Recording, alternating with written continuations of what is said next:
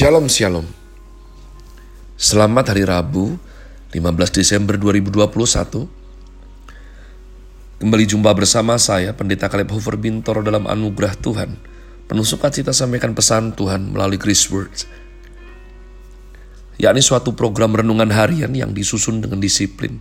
Kami doakan dengan setia supaya makin dalam kita beroleh pengertian mengenai iman pengharapan dan kasih yang terkandung dalam Kristus Yesus sungguh merupakan kerinduan saya bagi saudara sekalian agar supaya kasih dan kuasa firman Tuhan setiap hari tidak pernah berhenti menjamah hati, menggarap pola pikir dan paling utama kehidupan kita boleh sungguh berubah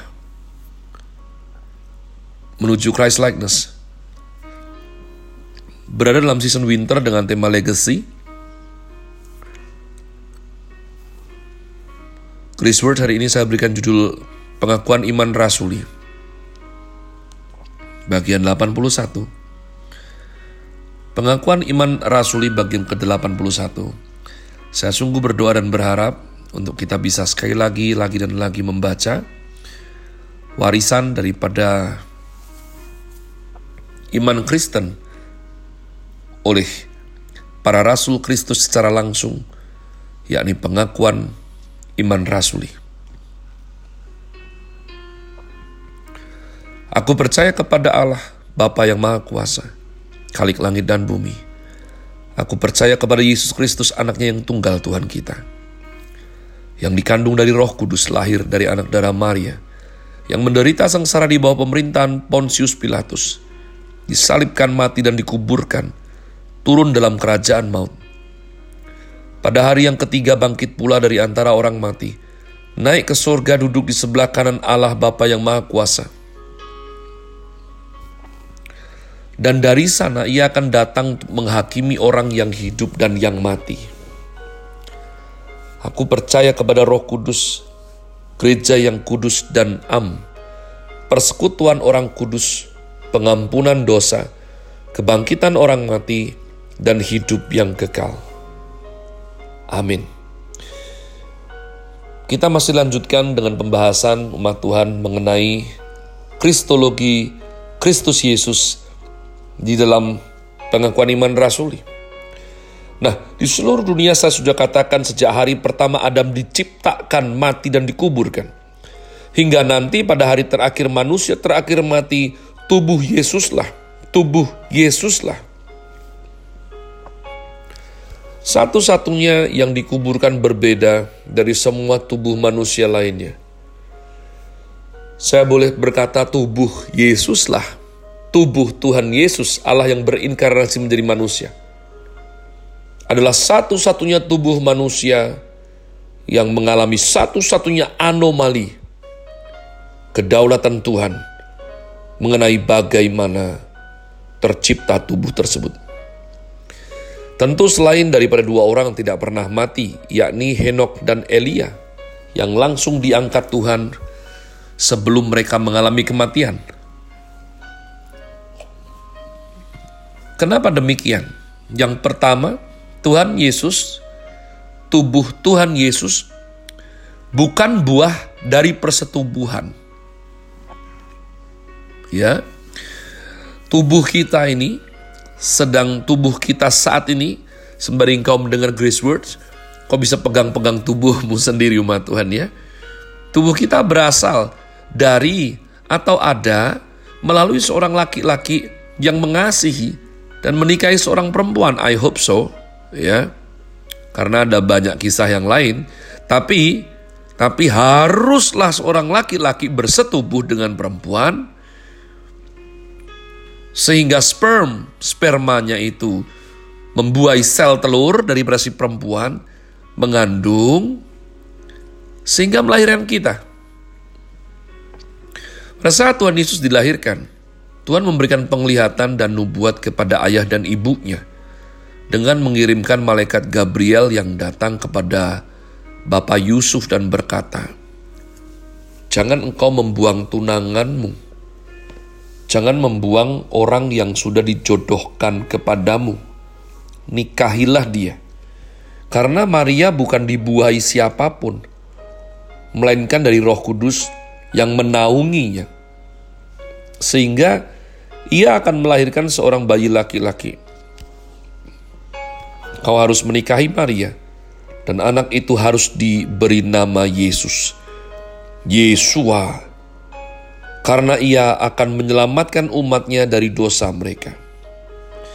Yesus dalam bahasa Ibrani, ya, Yesua, yang berarti God save, Allah yang menyelamatkan. Jadi umat Tuhan ini menurut saya sangat fair sekali. Sangat fair sekali karena karena budaya saat itu ya tentu saja lebih suci, lebih uh, tradisional daripada sekarang ini, maka akan sakit hati sekali kalau belum dinikah sudah hamil umat Tuhan. Loh ini bagaimana? Dan saya percaya walaupun Yusuf percaya Maria, 100%, tapi dia tidak bisa memungkiri simpul otaknya yang membutuhkan jawaban. Kok bisa perempuan yang kucintai hamil? Maka saya suka sekali. Saya suka dengan konsep Tuhan itu tidak memaksakan kehendak, ya. Daripada menyuruh orang lain akan tentu susah sekali itu, umat Tuhan. Nah, cara paling masuk akal malaikat Tuhan. Siapa sih kalau bicara dengan malaikat gak percaya? Ya.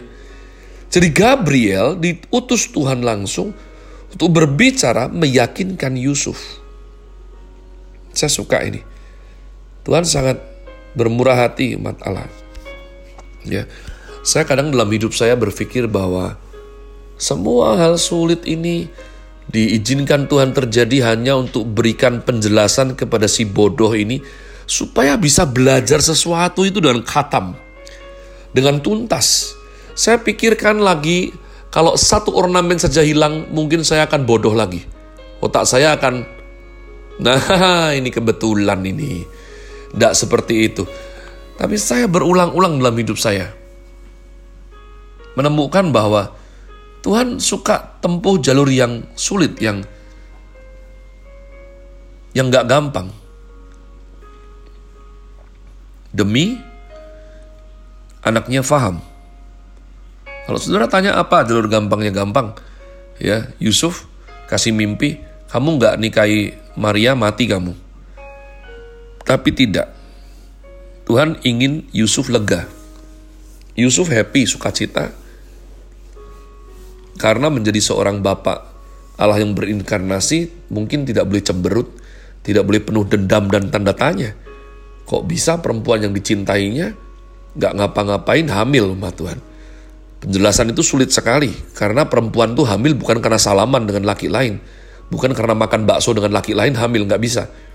Ya, jadi Gabriel diutus untuk menjelaskannya. Nah, ini penting sekali sebab melalui Tuhan Yesus dosa manusia akan ditebus. Satu-satunya yang memberikan solusi terhadap dosa dalam hidup manusia. Oleh karena itu, Tuhan Yesus dikatakan malaikat Gabriel bukan merupakan hasil persetubuhan antara laki-laki dan perempuan. Bukan. Dia merupakan hasil kedaulatan Allah umat Tuhan. Yusuf, percayalah, oleh karena naungan roh kudus, Maria hamil. Nikahi dia, jangan urunkan niatmu. Percayalah. Ya. Jadi inilah satu-satunya tubuh manusia yang bukan dibentuk karena pembuahan persetubuhan. Yang kedua, Tuhan Yesus dari lahir sampai mati tidak berdosa.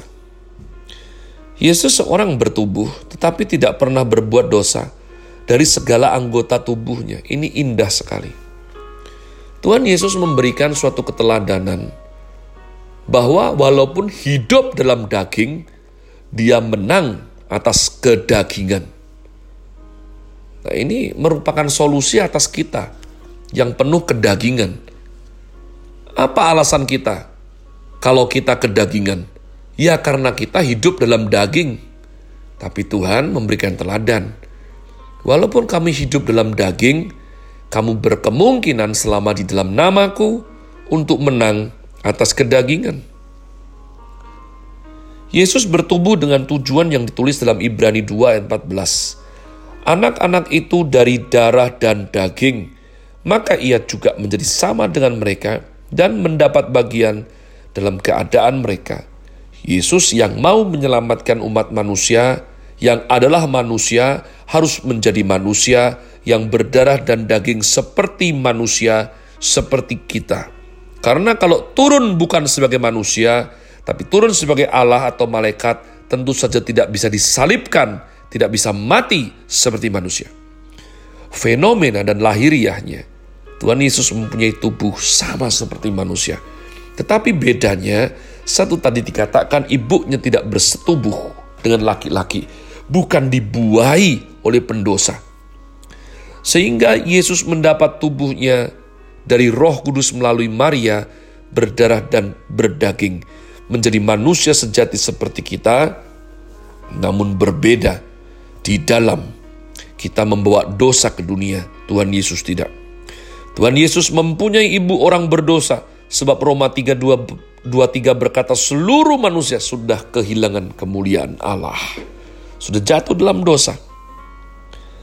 Tapi Tuhan Yesus oleh karena karya Roh Kudus mempunyai ibu orang berdosa, keturunan pendosa, tapi rahimnya dikuduskan oleh kedaulatan Roh Kudus. Tidak disentuh laki-laki. Seorang beribadah penuh roh yang takut akan Tuhan. Sejak kecil jalankan kehendak daripada Tuhan Allah. Maria dipilih karena ia perempuan yang sangat diberkati Allah. Saat malaikat berkata kepadanya, wanita yang berbahagia, atau istilah lainnya, anak gadis yang kepadanya diturunkan anugerah besar. Ya, sekarang dengarlah, engkau akan mendapat naungan Roh Kudus, dan tahun depan engkau akan melahirkan seorang anak laki-laki. Pada saat Maria mendengar ucapan ini, ia sangat terkejut. Aku belum menikah. Bolehkah aku mengandung dan melahirkan anak? Malaikat berkata, "Roh Kudus akan dengan kuasa yang besar yang menciptakan langit dan bumi, menaungimu mengerjakan hal baru dalam sejarah, menciptakan mujizat besar dalam rahimmu, benih, benih suci, benih suci akan datang kepadamu, dan Allah akan memakai rahimmu melahirkan seorang juru selamat. Saya tergoda untuk lanjut tapi waktunya habis. Saya akan lanjutkan dua hari ke depan umat Tuhan. Inilah keluar Lukas 1.37. Apa yang mustahil bagi manusia tiada mustahil bagi Allah.